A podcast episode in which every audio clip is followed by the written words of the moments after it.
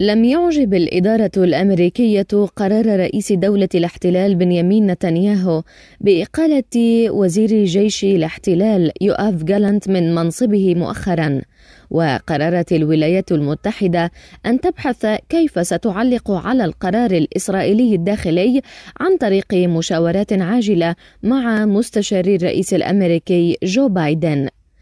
إلغاء مشاركة نتنياهو في قمة البيت الأبيض للديمقراطية هذا الأسبوع واحدة من الأفكار للاحتجاجات الأمريكية في حال لم يوقف نتنياهو خطة إضعاف القضاء في دولة الاحتلال. تقرير عبري نقل عن مصدر أمريكي قوله إن الفكرة هذه لم تكن رائجة بين المستشارين الأمريكيين ما أدى إلى الاتفاق على اتخاذ خطوتين علنية وسرية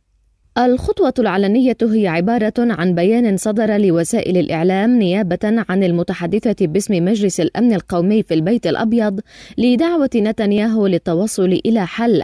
أما الخطوة السرية فهي إيصال مضمون شخصي وسري من بايدن إلى رئيس دولة الاحتلال. وقالت مصادر أمريكية إن المضمون السري الذي وجهه بايدن لنتنياهو يكمن في نقل السفير الأمريكي لدى تل أبيب بعد قرار إقالة جالانت بيوم واحد. ووفق ما نقل التقرير عن مسؤول في مكتب نتنياهو فإن الأخير غير معني في نشوء أزمة مع إدارة بايدن. لشبكة أجيال أسيل دزدار